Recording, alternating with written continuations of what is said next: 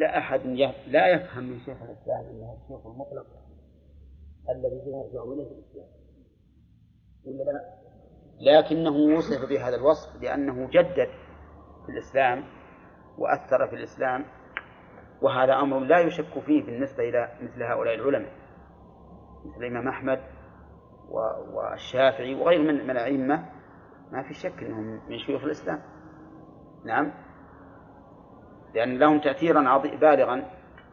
وكذلك مثل الشيخ الإسلام ابن تيمية والشيخ محمد بن عبد الوهاب كل هؤلاء لا شك أنهم يصح أن نقول إنهم شيوخ الإسلام باعتبار ما لهم من أثر حميد في الإسلام.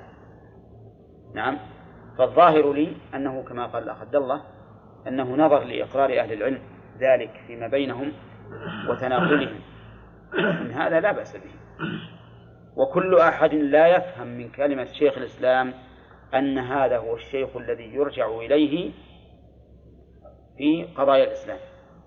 أبدا. ولكن يرون أن هذا الرجل له أثر في دين الله فاستحق هذا اللقب. طيب والإمام ما رأيكم فيه؟ ها؟ نعم. الإمام أهون بكثير. حتى النبي عليه الصلاة والسلام قال إذا أمن الإمام ها؟ إمام مسجد. يمكن ما عنده إلا اثنين. نعم. سماه الرسول إمام الإمام. مقيدة لكن نعم. أقول هذه مقيدة. لا ما مقيدة باعتبار القرينة يعني. ولا ولا هي مطلقة باعتبار اللفظ. و لكن الشيء الذي أنا أحب أن لا يكون ما جرى عليه تعبير الناس الآن. طلبة العلم صاروا يجعلون كل شخص إماما. حتى وإن كان له رتبة دنيا بالنسبة مثلا للحديث أو لغيره كعلم الفقه يقولون قال الإمام. وهذا في الحقيقة ربما نقول إنه كذب. لأن الإمام من له أتباع من له أتباع وكان قدوة. إن إبراهيم كان أمة قانتا لله أمة.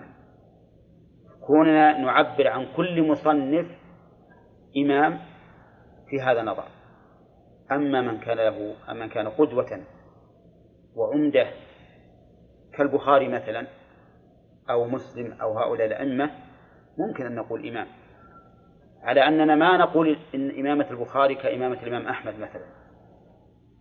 فبينهما فرق بحسب ما لهما من الأثر. في المسلمين.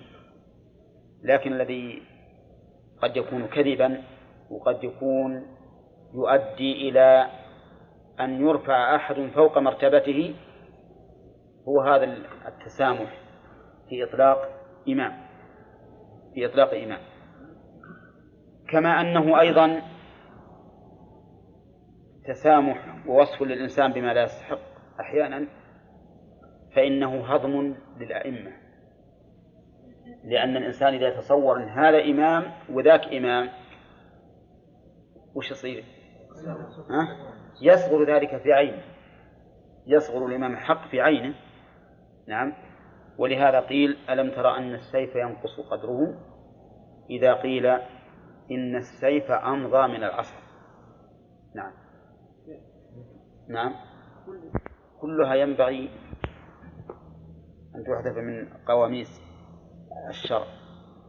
وأن يقال العالم لا بأس. المفتي لا بأس.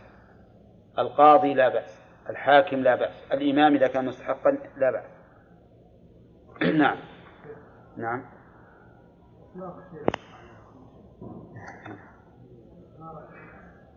والله هذا قد يكون من الكذب إلا إذا كان شيخا لغة لأن الشيخوخة لغة أوسع واسعة. حتى الكبير السن يسمى شيخا. نعم.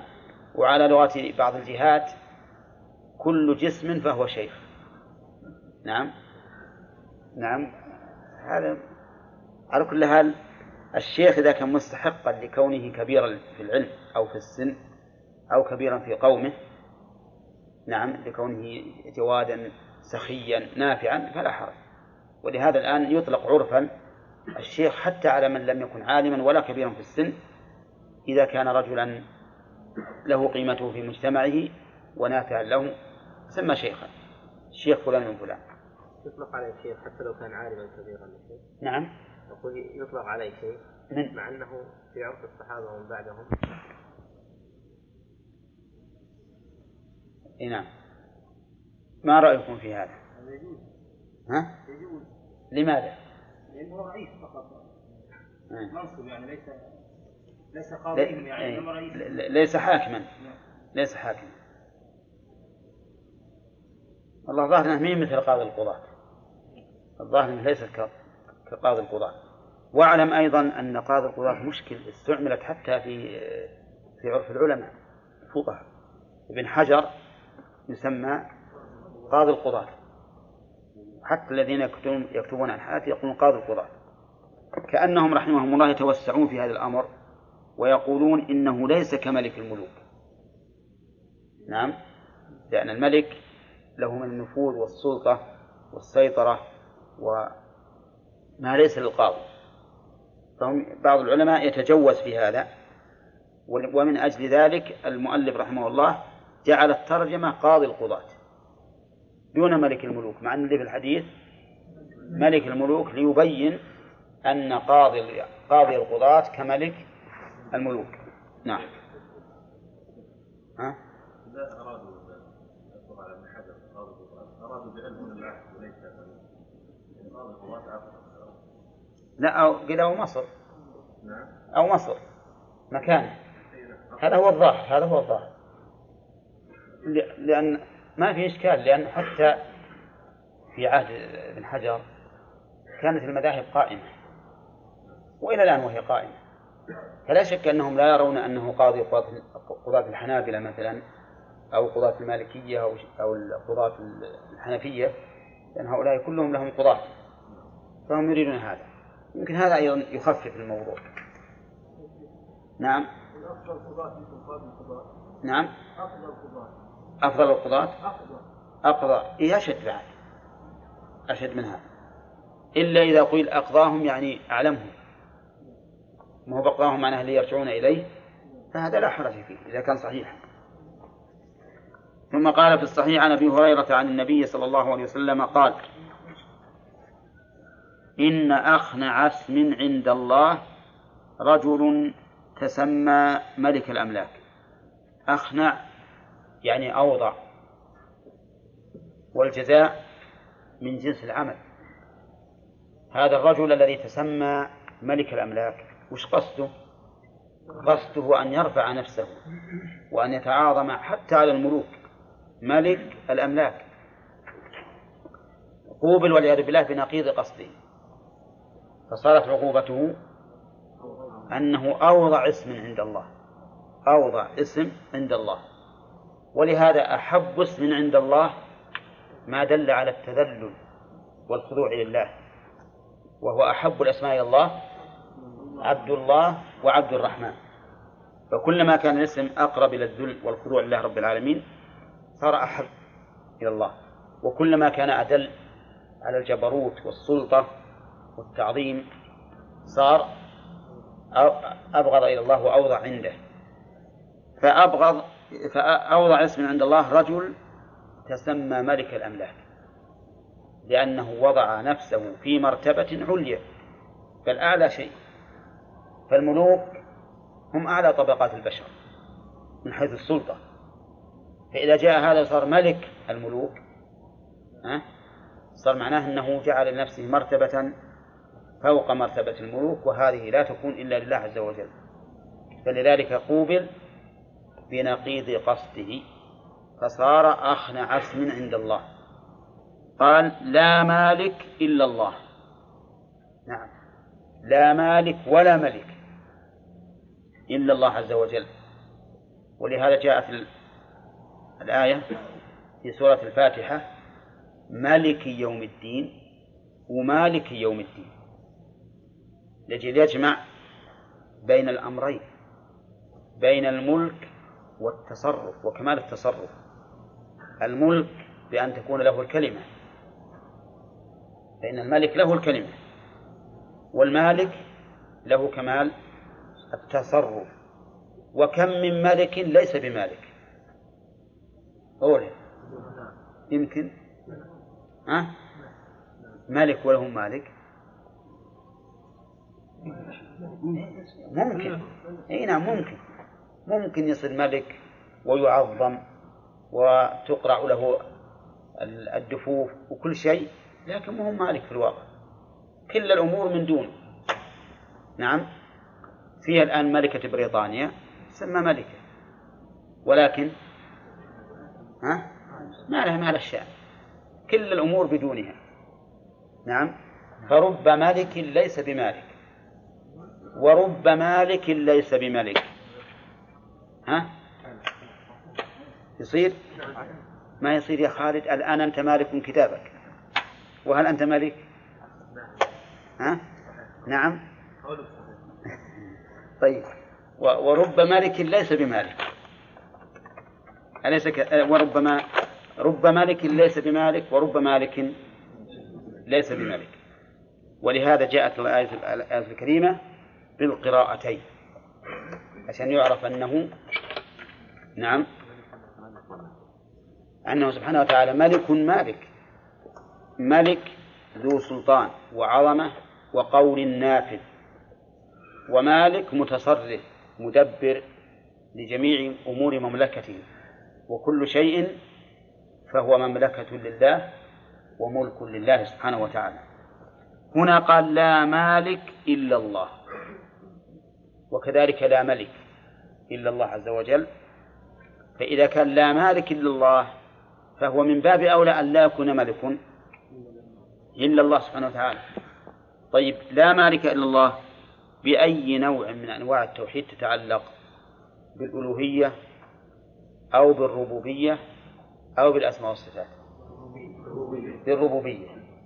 ولهذا سبق لنا أن توحيد الربوبية يتركز على ثلاثة أمور الخلق والملك والتدبير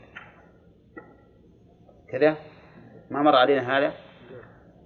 مر علينا. أن توحيد الربوبية يرتكز على الأمور الثلاثة الخلق والملك والتدبير فلا خالق إلا الله ولا مالك إلا الله ولا مدبر إلا الله. كل ذلك موجود دلائل في الكتاب في القرآن الكريم. بقطع النظر عن دلالة العقل. قال الله تعالى هل من خالق غير الله يرزقكم من السماء والأرض؟ الاستفهام هنا بمعنى النفي. لكن جاء بصورة النفي بصورة الاستفهام وهو للنفي لأنه أشرب معنى التحدي. يعني إن, إن وجدتم فهاتوا. وقال تعالى إن ربك هو الخلاق. هو. ضمير فصل. وش يدل عليه؟ ها؟ يدل على التوكيد والحصر. إذا لا خلاق إلا الله عز وجل. وقال إن يا أيها الناس ضرب مثل فاستمعوا له. إن الذين تدعون من دون الله الذين جمع اسم موصول يشمل كل من يدعى من دون الله. لن يخلقوا ذبابا ولو اجتمعوا له. شوف لو اجتمعوا على أن يخلقوا ذبابا ما, ما استطاعوا. يخلق بعوضة أقل من الذباب. ها؟ كيف؟ يعني نفرض ما قدروا على الذباب لكن قدروا على البعوض. ها؟ ما يقدرون؟ إذا لأن التمثيل بالذباب ليس للتقدير ولكنه للمبالغة. وما جاء على سبيل المبالغة فإنه لا مفهوم له كثرة ولا قلة. وهذا مر علينا أيضا هذه القاعدة. طيب هذا الخلق الملك أين الدليل على أن الله منفرد به؟ ها؟ تبارك الذي بيده الملك. نعم. ألا له الخلق والأمر. لا الأمر بالتدبير قل اللهم مالك الملك. ولله ملك السماوات والأرض. ولله ما في السماوات والأرض. كثير. انفراد بالملك. طيب انفراده بالتدبير. ألا له الخلق ها والأمر. أما خلق السماء والأرض. أمن ومن يملك السمع والأبصار ومن يخرج الحي من الميت ومن يدبر الأمر ولئن سألتهم أظن. قل من يرزقكم من السماء والأرض. أحسنت قل من يرزقكم من السماء والأرض. أمن يملك السمع والأبصار؟ ومن يخرج الحي من الميت ويخرج الميت من الحي ومن يدبر الأمر؟ فسيقولون الله. قل من بيده ملكوت كل شيء وهو يجير ولا يجر عليه إن كنتم تعلمون سيقولون الله. نعم. إذن الآيات كثيرة في هذا. وش بقي؟ ما بقي شيء. الخلق والملك والتدبير. لكن قد يقول قائل إن إن غير الله يكون خالقا. لقول الله تعالى فتبارك الله أحسن الخالقين. أحسن الخالقين. ولقوله في الحديث الصحيح للمصورين يقال أحيوا ما خلقتم. أحيوا ما خلقتم. فأثبت خلقا. نعم. وقال تعالى والله يعلم ما تصنعون. فأثبت صنعا. وفي الملك قال إلا على أزواجهم أو ما ملكت أيمانهم. وقال أو ما ملكتم مفاتحه وفي التدبير و و والأمر فماذا تأمرون؟ وغير ذلك. نعم. فما هو الجواب؟ يأتي إن شاء الله بعد الأذان وتأملوا هذا الأول. إن نقول إن هذا يعني مثل الص- الصنع أو التدبير نقول مقيد ومحدود.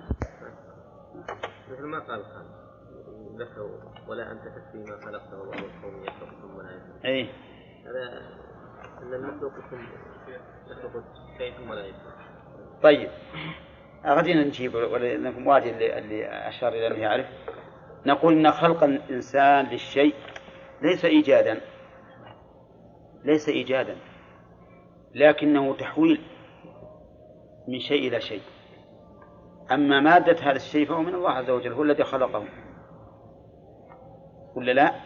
لنفرض مثل هذا رجل صنع بابا ممكن نقول خلقه إذا كان أوجده بعد أن تروى فيه وقدروا لكن هل هو الذي خلقه حقيقة؟ ها؟ لا لكن خشب حوله من من صفة إلى صفة حتى جعله بابا وعلى هذا فقس فليس الخلق إيجاد ولهذا لو اجتمع الخلق كلهم على أن يوجدوا شيئا ما أوجدوا أبدا. فعناصر الكون كلها من الله عز وجل هو الذي خلقها. وغاية ما للإنسان من ذلك إيش؟ أن يحوله بما علمه الله عز وجل إلى ما يريد أن ينتفع به فيه. هذه من جهة. ومن جهة ثانية أيضا أنه محدود. محدود حتى خلق الآدمي لو قلنا أنه خلق فهو محدود. هل أحد ادعى أنه خلق الشمس أو القمر أو أو السماء؟ نعم. أبدا. وكذلك نقول في الملك الملك إنه محدود وليس مطلقا. محدود فيما أختص به أنا.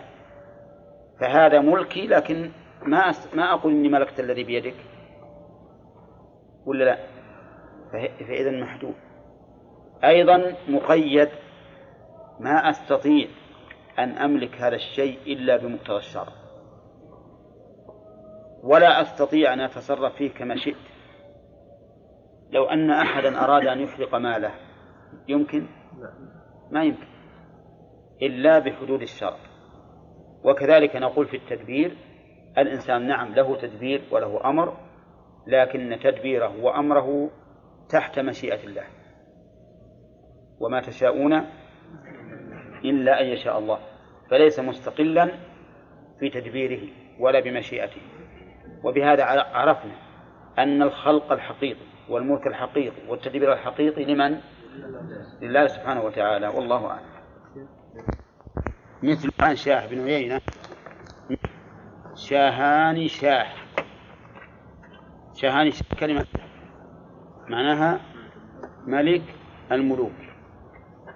لكن يبدو الآن أن شاه مفرد وشهاني جمع. جمع. وذلك لأنه في اللغة الفارسية يقدمون المضاف على المضاف إليه. فيقول غلام محمد يقولون محمد غلام. وأظن هكذا في اللغة اللاتينية. كذا. أي نعم. فالمعنى أن ملك الملوك مثلها. نعم. وقوله وفي رواية أغيض رجل على الله يوم القيامة وأخبثه. أغيض من الغيظ. وهو الغضب. وهو أن أغضب شيء عند الله عز وجل وأخبثه هو هذا الاسم. وإذا كان سببا لغيظ الله سبحانه وتعالى وسببا وخبيثا أيضا فإنه يكون حراما. بل يكون من الكبائر على قاعدة أن كل ذنب ترتب عليه وعيد فإنه يكون من كبائر الذنوب. وقوله أغيض رجل فيه إثبات الغيظ لله عز وجل. ونقول في هذا كما نقول في سائر الصفات إنها صفة تليق بالله عز وجل. صفة تليق به كغيره كغيرها من الصفات.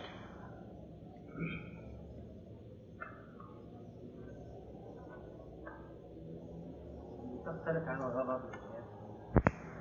نعم. ما يعني أوضح. هذا من المؤلف. ثم قال فيه مسائل. الأولى النهي عن التسمي بملك الأملاك. من أين يؤخذ؟ الوهاب. حديث الرسول صلى الله عليه وسلم لا معنى الأسماء. عند الله رجل تسمى بملك الأملاك. نعم. طيب لو قال قائل هذا ما فيه نهي. والمؤلف يقول فيه النهي. سبيل أين النهي؟ لا أخلع اسما عند الله. وين النهي؟ النهي هو طلب الكف على وجه الاستعلاء بحرف لا.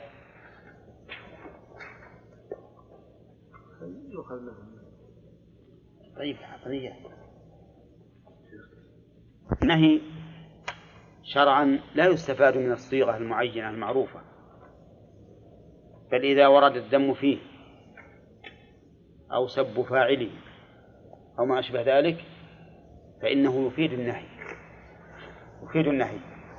صحيح أن صيغة النهي هي المضارع المقرون بلا الناهية مثل لا تفعل ولكن إذا كان هناك ذم أو وعيد أو ما أشبه ذلك فهو متضمن لمعنى النهي وزيادة أيضا.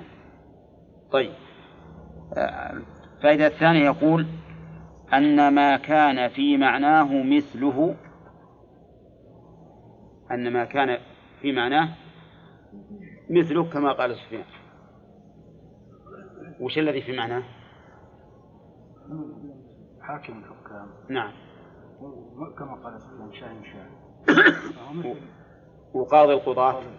نعم. طيب. الثالثة. التغليظ التفطن للتغليظ في هذا ونحوه مع القطع بأن القلب لم يقصد معناه. منين تؤخذ يا عبد الرحمن؟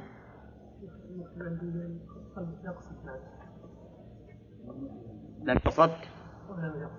لم تقصد فإن كان فإن كنت قاصدا. أي هو أشد. لأن القاصد إما أن يكون قوله مطابقا للواقع ولا يمكن أن يكون مطابقا للواقع. نعم. أو أو يمكن. إما أن يكون مطابقا للواقع فيكون واقعا في النهي والتحذير. وإن لم يكن مطابقا للواقع فقد تضمن الأمرين الكذب والوقوع في هذا الاسم المفروض إلى الله عز وجل. يعني مثلا إذا سمينا شخصا بقاضي القضاة أو حاكم الحكام وهو ليس كذلك هو من أجهل القضاة ومن أضعف الحكام. جمعنا بين أمرين بين الكذب في المعنى ها والوقوع في اللفظ المنهي عنه. وإن كان صدقا يعني صحيح أن هذا الرجل أعلم زمانه أو أعلم مكانه نعم ويرجع القضاة إليه. هذا وإن كان مطابقا للواقع لكنه واقع في النهي في النهي عنه. هذا معنى قول المؤلف مع أن القلب لم يقصد معناه. الرابعة التفطن أن هذا لأجل الله. من أين تؤخذ يا خالد؟ نعم. التفطن من أن هذا من أجل الله. لأن الرسول صلى الله عليه وسلم الرسول بين أشار إلى العلة في ذلك وهو أنه لا مالك إلا الله. كيف تقول ملك الأملاك وهو ما في مالك إلا الله عز وجل. طيب ذكرنا فيما سبق الفرق بين ملك ومالك. أحمد. نعم. الملك في الغيظ لله عز وجل. نعم. وأنه يتفاضل بقوله أغيض وأغيض اسم تفضيل. نعم. ويستفاد من ذلك أيضا أن كل من تعاظم فجزاؤه عند الله أن يوضع. إن حقا على الله ما ارتفع من شيء إلا وضعه. وكل من تواضع لله رفعه الله. نعم. لأن هذا هذا مقتضى الجزاء في هذا الحديث. ويستفاد من هذا الحديث أيضا حكمة الرسول عليه الصلاة والسلام في التعبير والتعليم. لأنه لما بين أن هذا أخنع اسم وأغيضه أشار إلى العلة. ها وهو لا مالك إلا الله. وهذا من حسن التعليم والتعبير. وهذا ينبغي لكل إنسان يعلم الناس أن يقرن الأحكام بما تطمئن إليه النفوس من أدلة شرعية أو علل مرعية. خذوا بالكم؟ لأن هذا العلم قال ابن القيم في النونية العلم معرفة الهدى بدليله. ما ذاك والتقليد يستويان؟ فهذا هو العلم. أن يكون عندك أن تذكر أن تربط الأحكام بأدلتها الأثرية أو النظرية. الأثرية يعني من كتاب والسنة وإجماع. والنظرية العقلية العلل المرعية التي يعتبرها الشرع. ثم قال نعم. واحترام أسماء الله وتغيير الاسم لأجل ذلك. نعم. في يوم الدين ومالك يوم الدين. باب احترام أسماء الله وتغيير الاسم لأجل ذلك. أسماء الله عز وجل هي التي سمى بها نفسه أو سماها به رسوله صلى الله صلى الله عليه وسلم. وقد سبق لنا فيها بحث كثير منها ونعيدها للفائدة لمن لم يسمع من قبل. هل هذه الأسماء مترادفة أو متباينة؟ قلنا باعتبار دلالتها على الذات مترادفة لأنها تدل على ذات واحدة وهو الله عز وجل. وباعتبار دلالتها على المعنى والصفة التي تحملها فهي متباينة. وإن كان بعضها قد يدل على ما تضمنه الآخر من باب دلالة اللزوم. من باب دلالة اللزوم. نعم. فمثلا الخلاق يتضمن الدلالة على العلم. المستفاد من كلمة من اسم العليم لكنه بالالتزام. هذا هذا واحد. ثانيا هل أسماء الله عز وجل جامدة أو مشتقة؟ بمعنى هل المراد بها الدلالة على الذات فقط أو على الذات والصفة؟ ها؟ على الذات والصفة. أسماؤنا نحن يراد بها الدلالة على الذات فقط. أليس كذلك؟ يراد بها الدلالة على الذات. قد يسمى محمد وهو ها من أشد الناس ذما يعني وهو مذمم. وقد يسمى عبد الله وهو من أفجر عباد الله. أليس كذلك؟ لكن هذا الاسم الموضوع لنا إنما هو علامة فقط بمنزلة الوسم للبهيمة الذي يميزها عن غيرها. أما أسماء الله وأسماء الرسول عليه الصلاة والسلام وأسماء القرآن وأسماء اليوم الآخر وما أشبه ذلك فإنها أسماء متضمنة للأوصاف. اليوم الآخر له أسماء كثيرة الحاقة القارعة وما أشبهها. كل اسم منها يحمل معنى. نعم أسماء القرآن كثيرة أسماء النبي صلى الله عليه وسلم كثيرة أسماء الله تعالى أكثر. وكل منها إيش؟ يحمل معنى خاصا به وقد يحمل معنى معنى اسم آخر على وجه الالتزام. طيب. آه البحث الثالث في أسماء الله. هل أسماء الله معلومة لنا أو لا؟ الجواب بعضها معلوم وبعضها غير معلوم. والدليل على ذلك قوله صلى الله عليه وسلم في الحديث الصحيح في دعاء الكرب أسألك اللهم بكل اسم هو لك سميت به نفسك أو أنزلته في كتابك أو علمته أحد من خلقك أو استأثرت به في علم الغيب عندك. أن تجعل القرآن العظيم ربيع قلبي إلى آخره. ومعلوم أن ما استأثر الله بعلمه استأثر يعني اختص به. يعلم ولا لا؟ ما يعلم. إذا فأسماء الله ما هو كلها معلومة لنا. منها ما هو معلوم ومنها ما هو غير معلوم لنا. طيب البحث الرابع هل أسماء الله محصورة بعدد معين أو لا؟ الجواب غير محصورة. ما دمنا لا نعلم منها شيئا يعني شيء ما دمنا يخفى علينا شيء منها فكيف تكون محصورة؟ فهي إذن غير محصورة. ما هي تسعة وتسعين ولا مئة ولا مئتين؟ نعم. ما يعلمها إلا الله عز وجل. فإن قلت ما الجواب عن قوله صلى الله عليه وسلم في الحديث الصحيح إن لله تسعة وتسعين اسما مئة إلا واحدة؟ من أحصاها دخل الجنة. قلت الحديث معناه أن من أسماء الله تسعة وتسعين اسما من أحصاها دخل الجنة.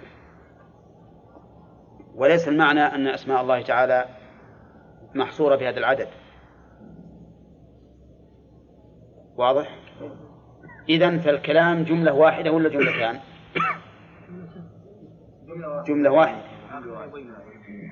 إن لله تسعة وتسعين اسما من أحصاها دخل الجنة. جملة من أحصاها. الجملة الشرطية هذه صفة. الاسم. صفة الاسم نعم. أو لتسعة لتسعة وتسعين اسما. من أحصاها دخل الجنة. فليس المعنى إن لله تسعة وتسعين اسما ثم انقطع الكلام. ثم قال من أحصى هذه الأسماء؟ لا. ونظيره في التعبير أن تقول عندي مئة درهم أعددتها للفقراء. عندي مئة درهم أعددتها للفقراء. هل معنى ذلك أنه ليس عندك سواها؟ إيش تفهمون؟ عندي مئة درهم أعددتها للفقراء. ها؟ يعني معناه أنك أعددت للفقراء مئة ريال من الدراهم اللي عندك وقد يكون عندك أكثر منها. فإذا الحديث لا يدل على حصر الله حصر أسماء الله بالتسعة والتسعين. البحث الخامس هل هذه التسعة والتسعون معينة أو موكولة إلى إلى إلى إلينا نحن نبحث حتى نحصل على تسعة وتسعين منها؟ الأخير غير معينة. غير معينة. بل موكولة لنا نحن نبحث في أسماء الله وصفاته حتى نحصل على تسعة وتسعين اسما حتى نحصل على ذلك. وهذا من الحكمة أنها أبهمت عنه لأجل لأجل البحث حتى نصل إلى هذه الغاية ولها نظائر منها أن الله تعالى أخفى عنا ليلة القدر بعينها ومنها أن الله أخفى عنا ساعة الإجابة في يوم الجمعة بل وفي الليل أيضا ساعة ساعة إجابة مخفاة. نعم. وعلى هذا فنقول إن هذه الأسماء موكولة إلى الطلب والبحث تجمعها من القرآن من السنة. إذا حصلت على تسعة وتسعين لو بقي عندك أسماء أخرى إذا أحصيتها دخلت الجنة. سادسا ما معنى إحصائها؟ الذي يترتب عليه دخول الجنة. أكثر الناس يقول أو يظن أكثر الناس يظن أن إحصاءها أن تكتبها في رقاع ثم تكررها حتى تحفظها. ولذلك يكتبونها أحيانا في الأحراز يكتبونها أحيانا في رقاع جلود بحبر ما يتغير وما أشبه ذلك. نعم. ولكن ليس هذا هو إحصاءها. هذا من إحصائها وليس إحصاءها. إحصاؤها الإحاطة بها لفظا. هذا واحد. ثالثا فهمها معنى تفهم معناها. وثالثا أن تتعبد لله. تتعبد. لله تعالى بمقتضاها. أن تتعبد لله بمقتضاها لقوله تعالى ولله الأسماء الحسنى فادعوه بها. كيف تتعبد لله بمقتضاها؟ التعبد لله بمقتضاها له وجهان. له وجهان. الوجه الأول أن تدعو الله بها كقول فادعوه بها. بأن تجعلها وسيلة لمطلوبك. تجعلها وسيلة للمطلوب. ومن المعلوم أن العاقل لا يجعل الوسيلة إلا مناسبة. مناسبة للمطلوب. وحينئذ تختار الاسم ها المناسب لمطلوبك. عندما تسأل الله المغفرة تقول يا غفور. الرحمة يا رحيم. وليس من المناسب إطلاقا أن تقول اللهم يا شديد العقاب اغفر لي. ولا لا؟ هذا شبه استهزاء. إنما تتوسل إلى بما يقتضي الرحمة وهو مغفرته. ممكن أن تقول يا شديد العقاب أجرني من عقابك ممكن. أما أغفر لي فهذا لا لا يليق. الوجه الثاني من التعبد لله بمقتضاها أن تتعرض بعملك بعبادتك لما تقتضيه هذه الأسماء. تتعرض في عبادتك لما تقتضيه هذه الأسماء. فمقتضى الرحيم الرحمة. إذا اعمل العمل الصالح الذي يكون جالبا لرحمة الله. من مقتضى الغفور المغفرة. إذا استغفر الله افعل ما يكون سببا لمغفرة ذنوبك وهكذا. هذا معنى إحصائها. فإذا كان إحصاؤها جديرا بأن يكون ثمنا لدخول الجنة. ما دام فسر بهذا التفسير فهو جدير بأن يكون ثمنا. نعم. وثمنا ليس على وجه المقابلة ولكن على وجه السبب لأن الأعمال الصالحة سبب للوصول إلى الجنة وليست وليست بدلا ليست بدلا. ولهذا ثبت في الحديث الصحيح عن النبي عليه الصلاة والسلام أنه قال لن يدخل الجنة أحد بعمله. قالوا ولا أنت؟ قال ولا أنا إلا أن يتغمدني الله برحمته. لا تعجب بعملك يا أخي. لا تقول والله أنا عملت وعملت بدخل الجنة لأني فعلت وفعلت. من الذي جعلك تفعل؟ الله. يمنون عليك أن أسلموا. قل لا تمنوا علي إسلامكم بل الله يمن عليكم أن هداكم للإيمان. هذا باعتبار ما نراه نحو نحن نحو أعمالنا. أن نرى لله المنة علينا. لكن انظر باعتبار الجزاء وش يقول الله عز وجل؟ هل جزاء الإحسان إلا الإحسان؟ نعم سبحان الله. هو الذي من علينا وهدانا وقومنا ثم يجعله إحسانا منا يستحق الإحسان منه. هل جزاء الإحسان إلا الإحسان؟ إن هذا كان لكم جزاء وكان سعيكم مشكورا. سعينا الذي هو الذي وفقنا له وأعدنا له وأمدنا به ينقلب فيكون سعيا لنا مشكورا عند الله عز وجل. نعم؟ فأنت انظر إلى نفسك وانظر إلى إلى فضل ربك. نفسك لا تمن على الله بعملك أنت إن مننت بالله على عملك ذهبت. ولهذا يقول الرسول عليه الصلاة والسلام لا يدخل أحد الجنة بعمله. نعم هذه ست الأشياء ست مباحث في أسماء الله عز وجل. المبحث السابع أسماء الله عز وجل لا يتم الإيمان بها إلا بثلاثة أمور إذا كان الاسم متعديا. ثلاثة أمور. الإيمان بالاسم اسما لله. والإيمان بما تضمنه من صفة. الإيمان بما تضمنه من صفة. والثالث الإيمان بالأثر أو إن شئت فعبر بالحكم. بالحكم المتضمن له هذا الاسم.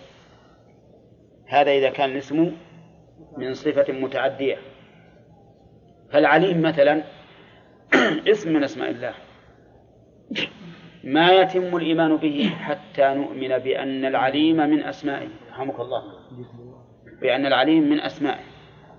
العليم. فهمت يا أخي؟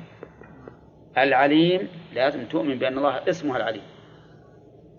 ثانيا تؤمن بما تضمنه من صفة وهي العلم. بما تضمنه من صفة وهي العلم.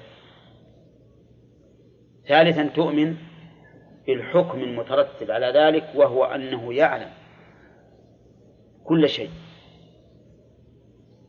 نعم. وكذلك الرحمة. الرحيم من أسماء الله. ما يتم الإيمان به حتى تؤمن بأنه من أسماء الله اسم من أسمائه الرحيم. وتؤمن بما تضمنه من الصفة وهي الرحمة وربك الغفور ذو الرحمة. وثالثا تؤمن بالحكم الذي يتضمن هذا الاسم وهو أنه يرحم من يشاء يعذب من يشاء ويرحم من يشاء. أما إذا كان الاسم غير غير متعد. ها؟ لا لا تبع. إذا كان الاسم غير غير متعدي فإنه يتم الإيمان به بالإيمان به من أسماء الله وبما تضمنه من صفة فقط. لأنه ما الحكم يتعدى إلى الغير كالحي مثلا. الحي الحي من أسماء الله. ها؟ طيب. يتم الإيمان به أن تؤمن به على أنه من أسماء الله. وبما تضمنه من صفة وهي الحياة. هل تتجاوز هذه الصفة للغير؟ ها؟ ما تتجاوز. لكن محيي تتجاوز. محيي تتجاوز. يحيي من من شاء. لكن الحي صفة لازمة للذات ما يتعدى للغير القيوم هل هو من النوع الأول أو من النوع الثاني؟ نعم. هو أصل القيوم له معنيان. القائم بنفسه القائم على غيره. أفمن هو قائم على كل نفس بما كسبت؟ من هو القائم على كل نفس بما كسبت؟ هو الله. فالقيوم باعتبار المعنى الأول القائم بنفسه يكون من الثاني وباعتبار المعنى الثاني القائم على غيره يكون من النوع الأول المتعدي للغير. طيب البحث الثامن في الأسماء لو طولنا عليكم لكن ما يخالف. البحث الثاني في الأسماء الثامن أظن في الأسماء أسماء الله عز وجل دلالتها على الذات والصفة. دلالتها على الذات والصفة. جميعا يسمونها دلالة مطابقة. دلالتها على الذات والصفة دلالة مطابقة. ها؟ لأن اللفظ إذا دل على كل معناه فدلالته دلالة مطابقة فالعليم تدل على الله وعلى صفة العلم. نسمي هذه الدلالة إيش؟ مطابقة. ودلالتها على الذات وحدها أو على الصفة وحدها دلالة تضمن. دلالة تضمن. يعني دلالتها على أحدهما دلالة تضمن. ودلالتها على جميعا دلالة مطابقة ودلالتها على الذات وحدها تضمن أو على الصفة وحدها تضمن دلالتها على العلم والقدرة ها؟ التزام. يعني ما يمكن يخلق إلا بعد العلم والقدرة. فهي إذن دلالة التزام. دلالة الالتزام نظير ذلك في المحسوس هذا في المعقولات نظير ذلك في المحسوسات عندما ترى قصرا وقصر فيه غرف وحجر وصالة وحمامات. نعم. دلالته على المعنى كله؟ دلالة مطابقة. دلالة مطابقة. ودلالته إذا قلت عندي قصر دلالته على حجرة من الحجر أو غرفة من الغرف ها؟ دلالة تضمن. ودلالته على أن له بانيا بناه دلالة التزام لأنه ما يمكن يبني نفسه أي نعم. من يسأل بعد هذا البحث البحوث الثمانية في أسماء الله عز وجل نقول المؤلف يقول باب احترام أسماء الله. فأسماء الله تعالى يجب علينا احترامها. لأن احترامها احترام لله عز وجل. فإنها أسماؤه. نعم. وأسماء الله تعالى منها ما يختص به لا يسمى به غيره ومنها ما يمكن أن يوصف به غيره أن يوصف به غيره. قال أهل العلم الله والرحمن ورب العالمين والرب وما أشبه ذلك هذه مما تختص بالله. ما حد يوصف به إلا الله. نعم. لكن الرحيم الرؤوف السميع العليم يمكن يوصف بها غير الله. يمكن أن يوصف بها غير الله. قال الله تعالى في النبي عليه الصلاة والسلام بالمؤمنين رؤوف رحيم. وقال هل أتى على الإنسان حين من الدهر لم يكن شيئا مذكورا؟ إنا خلقنا الإنسان من نطفة أمشاج نبتليه فجعلناه سميعا بصيرا. وقال يخرج الحي من الميت وهو قال عن نفسه الحي القيوم. فهذا ليس بممتنع. ها؟ أي. هذه من يمكن يمكن تجعل بحثا تاسعا. أن من أسماء الله ما يختص به ومن أسمائه ما يمكن أن يوصف به غيره. نعم. ما يمكن أن يوصف به غيره. نعم. احترام أسماء الله تعالى واجب لأن احترامها من تعظيم الله فيكون واجبا. فإذا سمي أحد باسم من أسماء الله نظرت فإن كان لا يصح إلا لله وجب تغييره وجب تغييره. مثل ما مر علينا. ملك الملوك ملك الأملاك. هذا ما يصح. إلا لله يجب يغير. يجب أن يغير. كذا؟ طيب. كذلك لو سمينا شخصا بالرب. يجب يغير؟ ليش؟ لأنه ما يسمى إلا لله ما يسمى بأحد إلا الله. هذا لا يمكن أبدا أن يسمى به أحد مهما كان. لكن إذا كان اسما من أسماء الله ويصح أن يكون وصفا فإننا نصف لغير الله وصفا لغير الله. فإنه يصح أن نصف به غير الله. ولكن هل يصح أن نسمي به غير الله؟ إن لوحظت الصفة منع وإن لم تلاحظ جاز. فإذا أسماء الله نقسمها أولا قسمين. القسم الأول ما لا يصح إلا لله. فماذا نقول في حكمه؟ لا يجوز أن يسمى به وإن سمي به وجب تغييره. فقول المؤلف تغيير الاسم لأجل ذلك الابتداء من باب أولى أنه لا أنه يمنع. طيب إذا كان يمكن أن يوصف به غير الله يمكن أن يوصف به غير الله صح أن يوصف به غير الله. نعم وش مثل؟ الرؤوف الرحيم السميع البصير وما أشبه ذلك. ولكن هل يسمى به غير الله؟ نقول إن لوحظت الصفة منع. ما يجوز.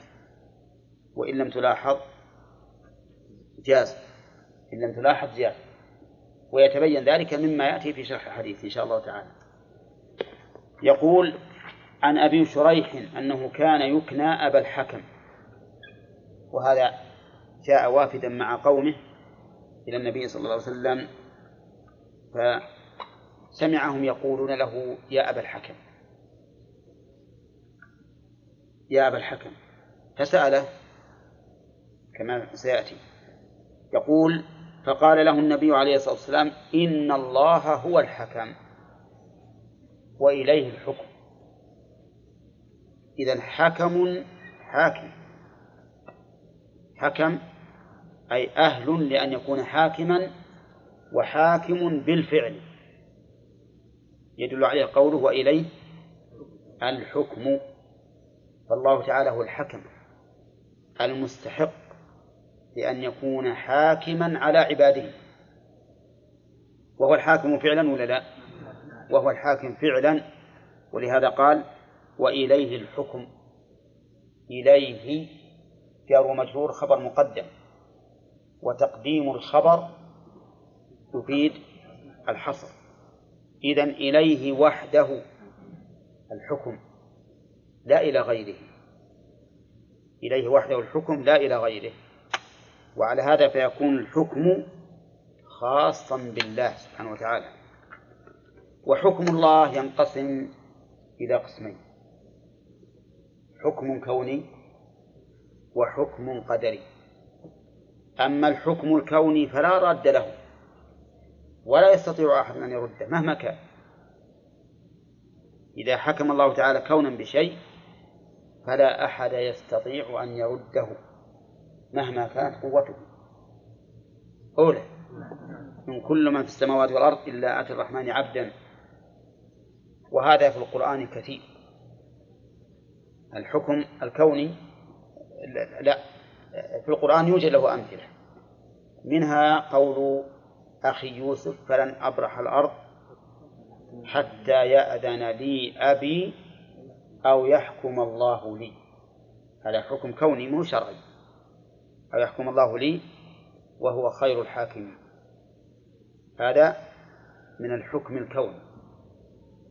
وأما الحكم الشرعي فمثل قوله تعالى وما اختلفتم في فيه من شيء فحكمه إلى الله.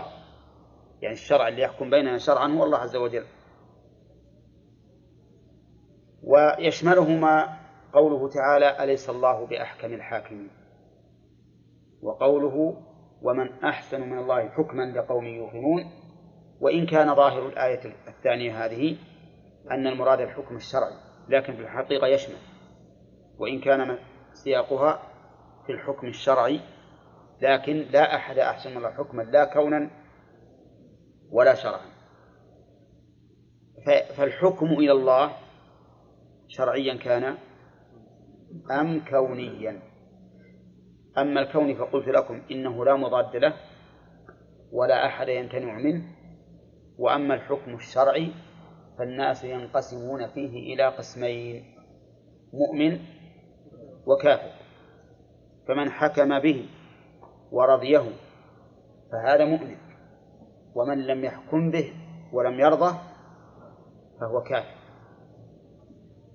ومن لم يحكم بما أنزل الله فأولئك هم الكافرون. وإنما قال النبي عليه الصلاة والسلام له ذلك إن الله الحكم وإليه الحكم لأجل ينبني عليه المسألة التي تأتي إذا كان قاله قبل أن يسأله. نعم إن الله هو الحكم وإليه الحكم. هل من أسماء الله الحكم؟ نعم. من أسماء. إن الله هو الحكم واضح أنه من أسماء الله فمن أسماء الله تعالى الحكم هل من أسمائه العدل؟ ها؟ هو هذا مشهور لكن يحتاج إلى أن نثبت هذا ما ورد إلا عن بعض الصحابة قالوا إن الله حكم عدل لكنني لا أعرفه في حديث مرفوع وهو مشهور عند الناس الحكم العدل ولكن قوله تعالى ومن أحسن من الله حكما لا شك أنه متضمن للعدل. ولا لا؟ لأن العدل بل الأحسن أكبر من العدل. يتضمن العدل وزيادة. فقال إن قوم هذا جواب لأن الرسول سأله قال لماذا سموك بهذا الاسم؟ يكنونك بهذا الاسم بهذا الكنية. ونسيت أن أقول الكنية الكنية هذه مرت علينا في النحو. وش الكنية؟ ما صدر بأب أو أم وبعضهم قال أو أخ أو عم أو خال. نعم. والكنية قد تكون للمدح وقد تكون للذم وقد تكون لمصاحبة الشيء للشيء. وقد تكون مجرد علم. نعم. فمثلا أبو بكر الصديق رضي الله عنه. هل له ولد اسمه بكر؟ لا. لكنها مجرد كنية للعلمية فقط. أبو العباس بن تيمية رحمه الله. له ولد اسمه العباس. إلا عند المزورين. يقول أحد الإخوان أنه زار دمشق وأنهم قالوا هذا قبر شيخ الإسلام ابن تيمية وهذا قبر ولده. نعم؟ وهو ما تزوج رحمه الله. طيب قد تكون للملابسة ملابسة الشيء. مثل أبو تراب. نعم؟ ومثل أبو هريرة. وقد تكون للذم كما تقول يا أخ الجهل. ها؟ ومثل أبو جهل أيضا. ومثل أبو جهل. نعم؟ وقد تكون للمدح. مثل هذا اللي عندنا. أسماء الله تعالى. هذا من الأسماء. يرونه من الأسماء. ما في قاعدة مضطردة إلا إلا تقريبية فقط. إن الشيء إذا كان كمالا مطلقا صار من أسماء الله. وإن, وإن لم يكن كذلك لم يكن من أسماء الله. فمثل الكائد والماكر والمسافر ما تكون من أسماء الله. والخادع وهو خادعهم. لا. لا لا. لأن الوصف من أفعاله فقط. ثم قال باب احترام أسماء الله. شف ما دمنا عرفنا أن أسماء الله عز وجل تتضمن الاسم والصفة. فاحترامها أن لا نسمي مخلوقا باسمه ملاحظين فيه الصفة. ما نسمي هذا الحكيم لأنه ذو حكمة أو الرحيم لأنه ذو رحمة اسما. ترى مو وصفا الوصف أوسع من من الاسم. فأسماء الله متضمنة للصفات مع كونها أسماء. فإذا سمينا أحدا باسم من أسماء الله ملاحظين تلك الصفة فهذا ممنوع. ممنوع. لأنه حينئذ صار تسميتنا لهذا مطابقة تماما لاسم من أسماء الله. ووجه إدخال هذا الباب في التوحيد لأننا إذا سمينا أحدا باسم من أسماء الله نعم جعلنا ذلك جعلناه شريكا مع الله في هذا الاسم. وهذا نوع من الشرك. وقوله وتغيير الاسم لأجل ذلك. وتغيير الاسم لأجل ذلك. وش معنى تغيير لأجل ذلك؟ يعني لأجل احترام أسماء الله. فإذا وجدنا اسما من أسماء الله مسمى به أحد نعم. مع ملاحظة المعنى فإننا نغيره. نغيره. نعم. أي ما يخالف ما يضر لا بأس ما في معنى نعم. وقوله لأجل ذلك اللام للتعليل يعني من أجله. وعلم من كلام المؤلف أن تغيير الاسم خوفا من المحذور لا حرج فيه. أولى تغيير الاسم خوفا من المحذور لا حرج فيه. كما أن تغييره إلى اسم أحسن منه أيضا لا حرج فيه. فتغيير الاسم إما أن يكون من أجل محذور لا يجوز أو من أجل محذور متوقع أو لأنه أحسن وكل هذا جائز. كل هذا لا بأس به. عن أبي شريح أنه كان يكنى أبا الحكم فقال له النبي صلى الله عليه وسلم إن الله هو الحكم وإليه الحكم. قلنا أن الحكم أبلغ من الحاكم لأن الحكم الذي يحكم باستحقاقه الحكم فهو حكم يعني أهل لأن يتحاكم إليه. فالله عز وجل هو الحكم. ولهذا قال وإليه الحكم. إليه خبر مقدم وتقديم الخبر يفيد الحصر. فإليه وحده الحكم كما قال الله تعالى في سورة القصص ها؟ له الحكم وإليه ترجعون. وحكم الله عز وجل ذكرنا أنه ينقسم إلى قسمين كوني وشرعي. فالكوني لا يمكن لأحد مخالفته. الكوني ما يمكن لأحد مخالفته. والشرعي ها يمكن أن يخالفه من يخالفه من الناس. مثاله في القرآن الحكم الكوني فلن أبرح الأرض حتى يأذن لي أبي أو يحكم الله لي وهو خير الحاكمين. إيش معنى يحكم لي؟ يعني ينزل وحيا بأن هذا جائز؟ لا ولكن يحكمه حكما كونيا قدريا.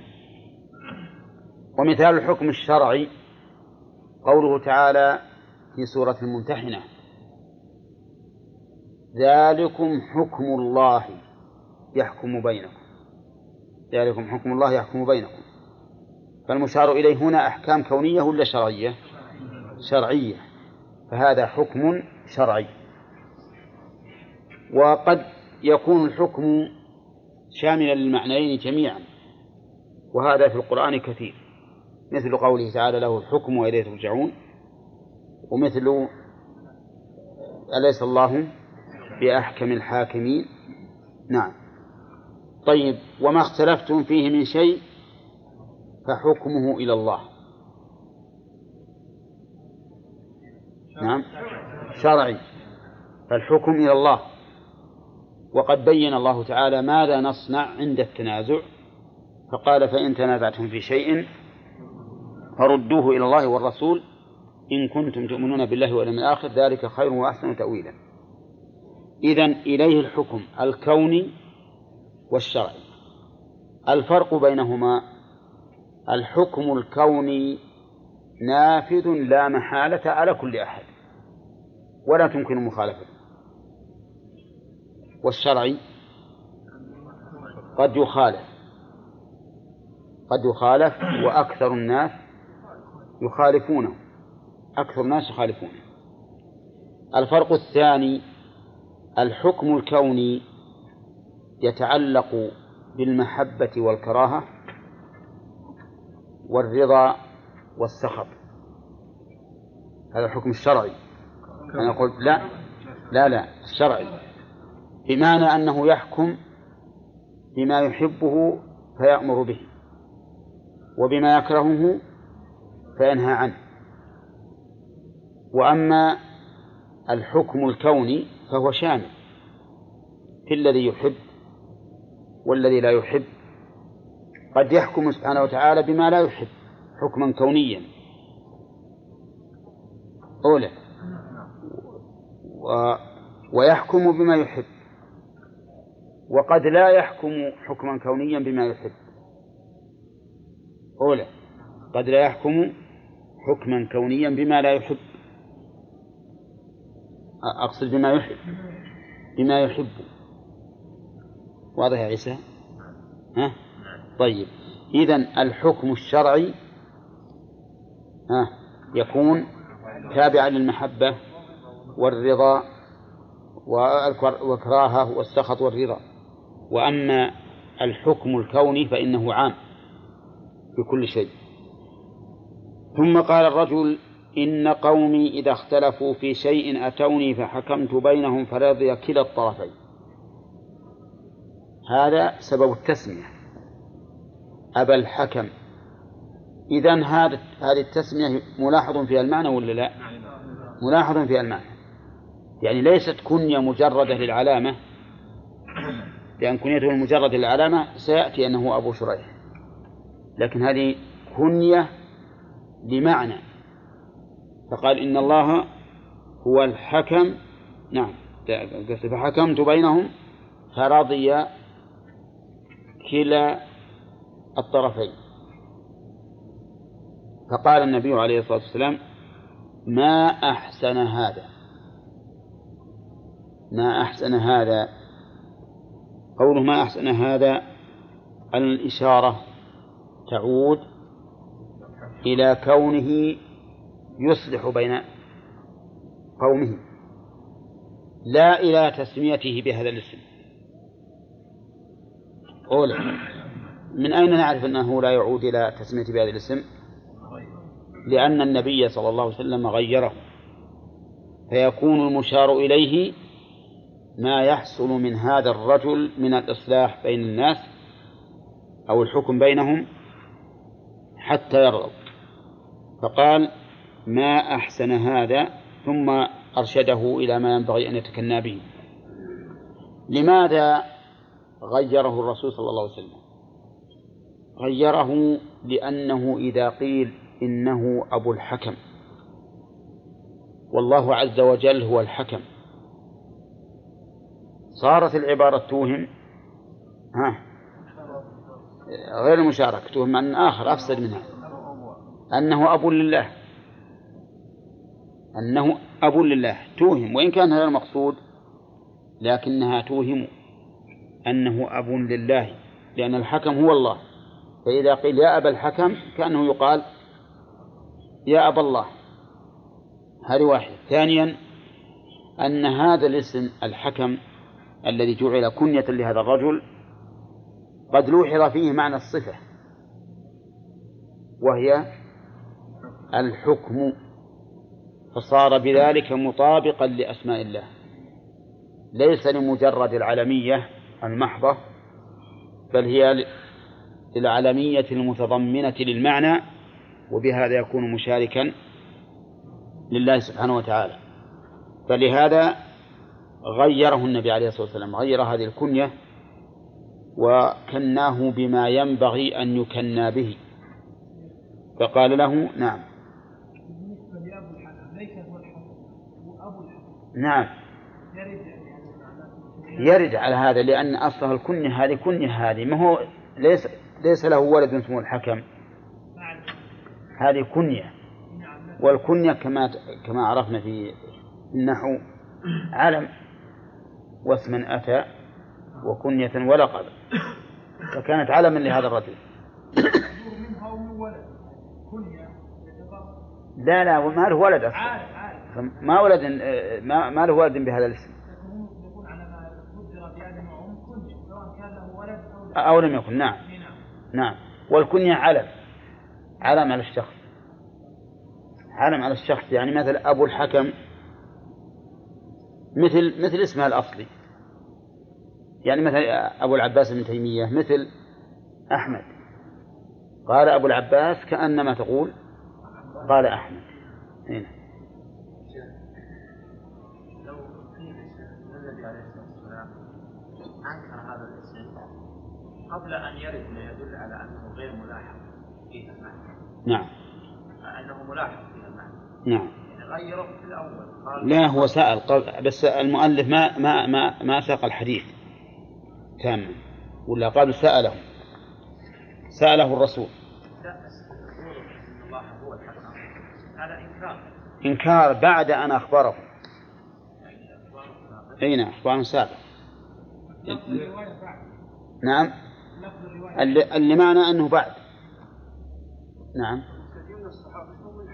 غيروا إيه، إيه، دقيقة دقيقة نعم. طيب إحنا ذكرنا الآن أن الملاحظ في هذا المعنى والصفة ثم فيه أيضا فساد من حيث اللفظ. مراعاة التركيب وهو أبو الحكم. أما إذا وهذه تبي تجينا في الفوائد الحقيقة.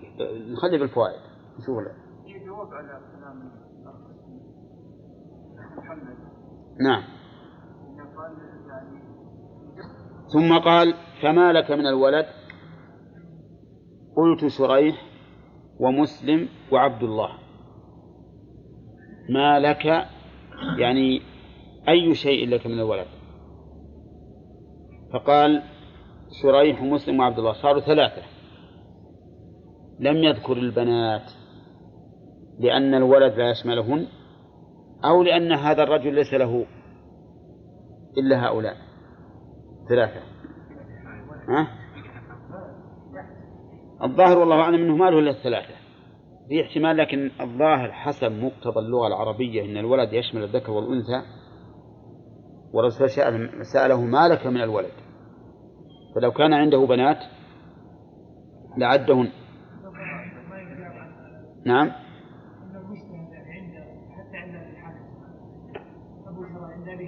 نعم. أبدا. ما, ما هو براحة. لا ما يعرف. ولهذا فيه من يكن بالبنت كما فيه من ينتسب إلى الأم. طيب. قال فما أكبرهم؟ قلت شريح. قال فأنت أبو شريح. نعم. إيه، كناه النبي عليه الصلاة والسلام بأكبر بأكبر أولاده أو أبو شريح. فيستفاد من هذا الحديث عدة فوائد. أولا ما أشار إليه المؤلف في المسائل بقوله احترام أسماء الله وصفاته ولو لم يقصد معناه. ولو لم يقصد معناه. وهذه الكلمة ولو لم يقصد معناه في النفس منها شيء. لأنه إذا لم يقصد المعنى فإنه كما سنذكره إن شاء الله يكون جائزا. إلا إذا ذكر إلا إذا سمي بما لا يصح إلا لله. فهو ما يجوز. مثل الله والرحمن ورب العالمين وما أشبه ذلك. هذه ما يمكن تطلق إلا على الله مهما كان. وش؟ طيب قوله إيه نعم.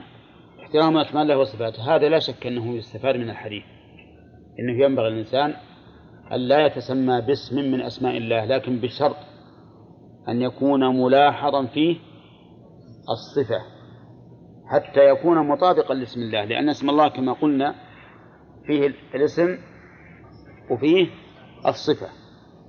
أما إذا ذكر الاسم فقط بدون ملاحظة المعنى فهذا لا بأس به. فإن من الصحابة ذكرهم في الإصابة نحو ثلاثين نفر كلهم اسمه الحكم. الحكم من الصحابة. وقد أقر ذلك النبي صلى الله عليه وسلم لأنه لم يقصد فيهم إلا العالمية فقط. كذلك من أسماء الله من من أسماء الله تعالى الحكيم. وقد سمي به عدة جماعة عدة رجال من الصحابة رضي الله عنهم. اسمهم حكيم. وأقرهم النبي صلى الله عليه وسلم على ذلك. فعلم من هذا أن الذي يحترم هو الاسم الذي لا يوصف به, به سوى الله.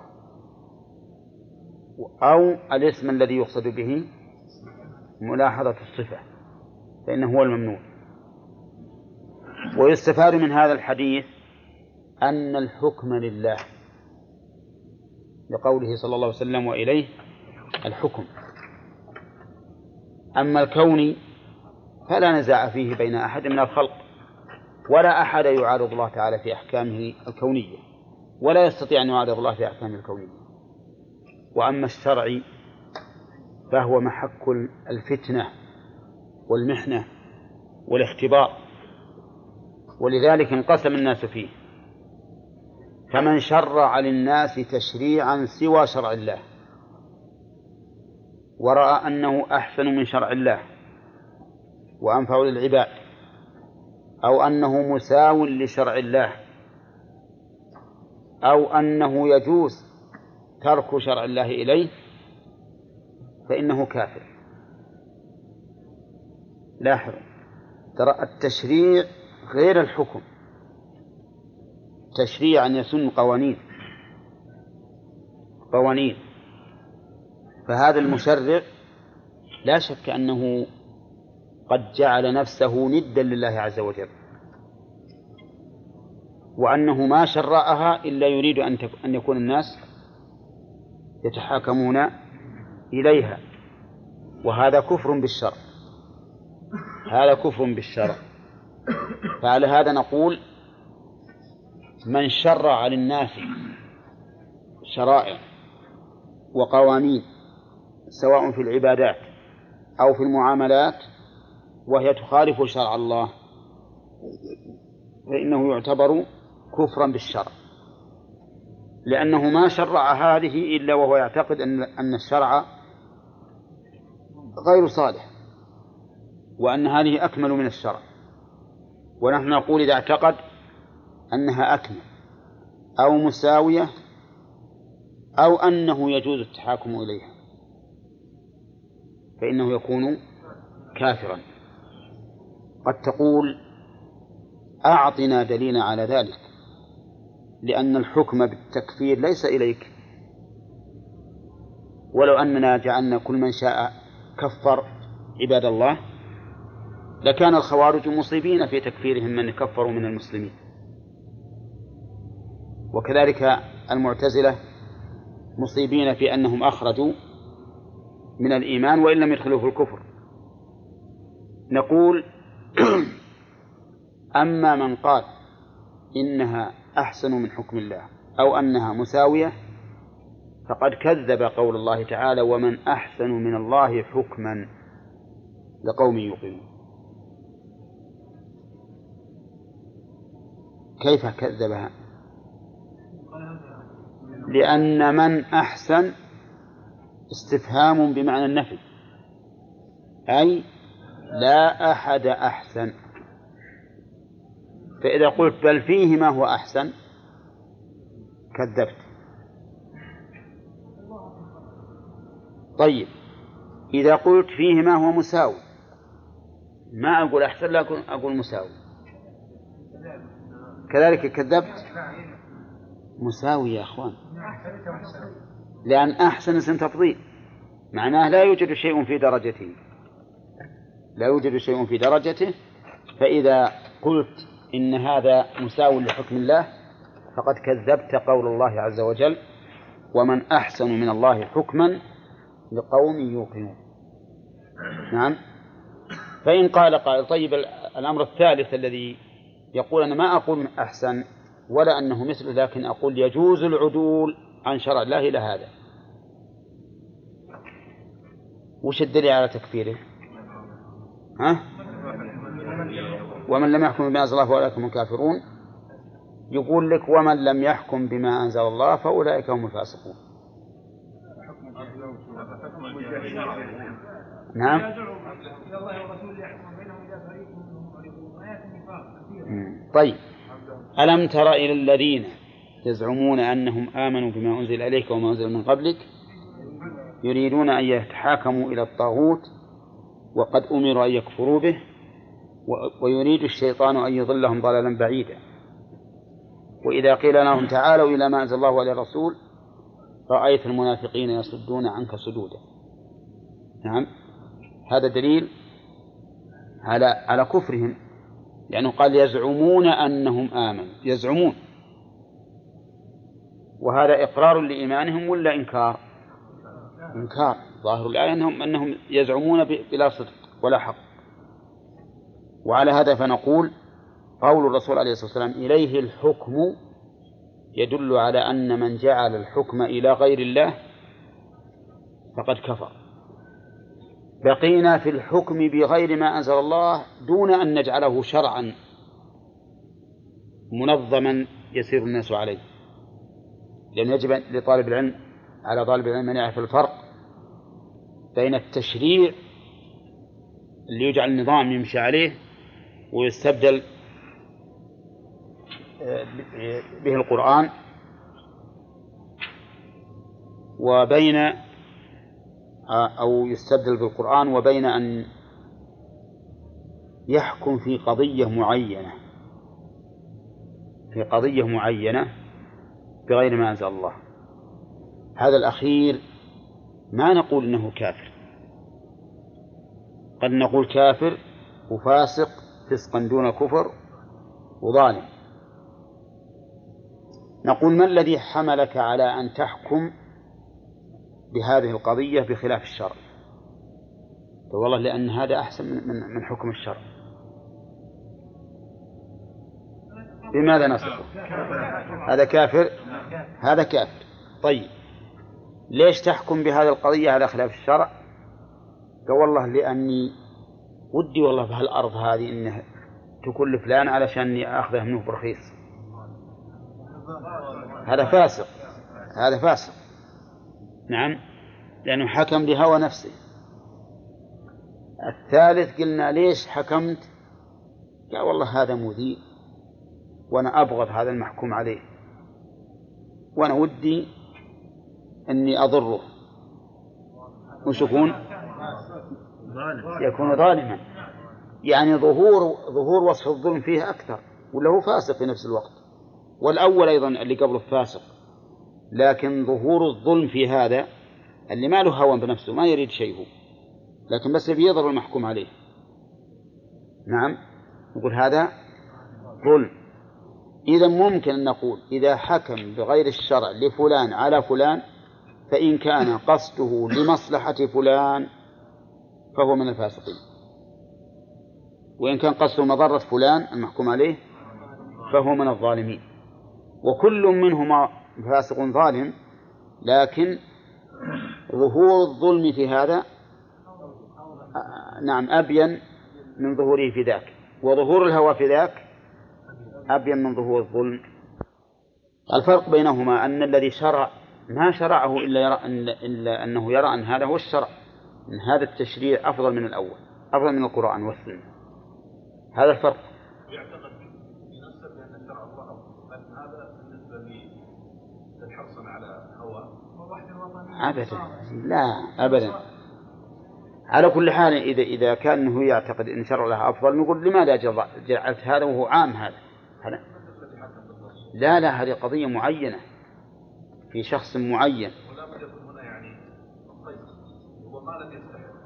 كيف؟ يعني مثل القضية نعم. نعم نعم. طيب هو هذا اللي نقول الفرق بينهما. أن الذي جعل ذلك شرعا عاما جعله عبارة عن شريعة يمشى عليها. أما هذا فإنه لشيء معين اختار أن يحكم بغير ما أنزل الله سبحانه وتعالى. وهو ما يعتقد أنه أحسن قلنا إذا اعتقد أنه أحسن فهو أو مثله أو أنه يجوز العدول عنه هذا معروف. لكننا نقول إن هذا الرجل حكم لهذا الرجل إما لمحاباة قريب لمنفعة المحكوم له أو إضرارا بالمحكوم عليه هذا ما يمكن نقول إن أنه كافر. لأنه يعتقد أن الشرع هو الشرع لكن لأجل هذا الهوى حكم. نقول هذا فاسق أو ظالم فقط. نعم. وإن لم يعتقد مثلا أنه أحسن حكم أو ما نعم. الخوارج كفروا نعم. بمجرد أنهم كفروا مسلمين نعم. فكيف لا يكفر هذا المشرع جعل نفسه ندا مع الله جل إي نعم نعم. ما في إشكال. يعني بدون ولو لم أبد ما دام إنه جعل. هذا الشرع يجب المشي عليه هذا لا شك إنه جعل نفسه ندا مع الله. الوحدة الوطنية مثلا في نصارى ومسلمين يلبسونه. فيقول القانون يحكم على الجميع. لا شك أن هذا أيضا خطأ. يعني أن نجعل القانون لجل يضم حكم النصارى واليهود والمجوس والمسلمين في بوتقة واحدة هذا غلط. لأن المسلمين لهم أحكام بمقتضى الدين الإسلامي وأولئك لهم أحكام بمقتضى دينهم إذا كانوا من أهل الذمة كما هو معروف ظاهر. ولكن كل هذا من دعوى الجاهلية الذي حذر منه الرسول عليه الصلاة والسلام وهي دعوى القومية والتعصب لها. وإلا فإن المؤمن دعواه إلى أمة إسلامية واحدة. أمة إسلامية واحدة. وبها تكون العزة إذا طبقت ما أمر الله عز وجل. يا أيها الذين آمنوا إن تنصروا الله ينصركم ويثبت أقدامكم. نعم. من ها؟ هو لا بد أن يحمل لأنك إن أخذت بظاهرها أهملت ظاهر الآية الآيتين بعدها. فعلى هذا التفصيل يتنزل. وبعضهم قال من جهة أخرى قال إن هذه الأوصاف الثلاثة لا تتنافى. فالكافر فاسق ظالم. كما قال الله تعالى والكافرون هم الظالمون. وقال وأما الذين فسقوا فمأواهم النار كلما أرادوا يخرجوا منها أعيدوا فيها. فيقول أن الفسق والظلم والكفر لا يتنافيان. ويجعل الحكم بغير ما أنزل الله كفرا مطلقا لكنه يحملها على ما يمكن يدخل الصورتين الأخيرتين إذا كان لهوى أو للإضرار. ما يدخل في هذا. تغيير الاسم لأجل ذلك أي لأجل احترام أسماء الله عز وجل. فإنه يغير الاسم إلى اسم جائز مباح. وهكذا أيضا ينبغي تغيير الاسم إلى ما هو أحسن منه إذا تضمن أمرا لا ينبغي. كما غير النبي عليه الصلاة والسلام بعض الأسماء إلى أشياء مباحة. فينبغي أن يغير الاسم إذا كان اسما يؤدي إلى ما لا ينبغي. ولا يحتاج إلى تغيير الاسم لا يحتاج في تغيير الاسم إلى إعادة العقيقة كما هو عند بعض العامة يقول إذا غيرت الاسم فأعد العقيقة كأنهم يرون أن الاسم مرتبط أن العقيقة مرتبطة بالاسم. ولهذا يقول ليش تغير اسمك ولم تذبح ذبيحة؟ وهذا لا أصل له. ثم قال اختيار الثالثة اختيار أكبر الأبناء للكنية. من أين يؤخذ؟ من سؤال النبي صلى الله عليه وسلم الرجل قال من أكبر أولادك؟ قال شريح. قال فأنت أبو شريح. فينبغي أن يختار الكنية في أكبر أبنائه. لأنه لو تكنى بمن دونه صار في نفسه بعض الشيء. ولأن أكبر أبنائه هو أول من يأتيه فيتكنى به. فإذا يكون فائدة التكني بأكبر الأولاد أو له فائدتان. الفائدة الأولى أنه أول من يأتيه فينبغي أن يتكنى به. والثاني أنه لو تكنى بمن دونه لكان في قلبه شيء. أي في قلب الأكبر. ومثل هذه الأمور دقيقة. قد يؤدي هذا الشيء الذي في قلبه إلى أن لا يقوم ببر والده. فيكون في ذلك مضرة عليه وعلى والده. نعم. هل يستح... هل يؤخذ من هذا الباب استحباب التكني؟ تأملوا نصل ها؟ الظاهر أنه لا يؤخذ. وذلك لأن هذا الرجل كان قد تكن بالأول. فأراد النبي عليه الصلاة والسلام أن يغير الكنية إلى كنية مباحة. وليس معناه أن الرسول أمره أن يتكن ابتداء. فالظاهر أنه لا يؤخذ من هذا استحباب التكني. وأن الإنسان لو بقي بدون كنية فلا حرج. وهل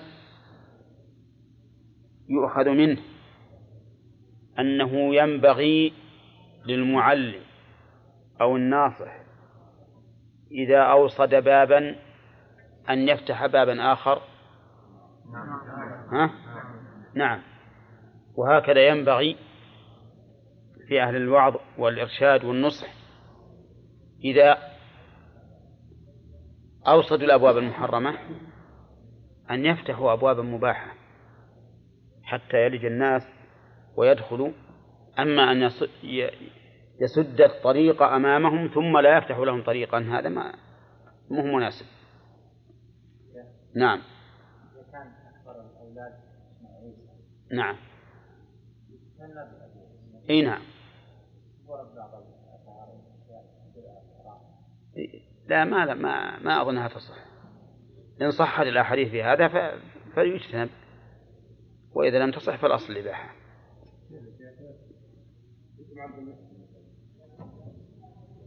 هذا ينظر إذا كان هذا القاضي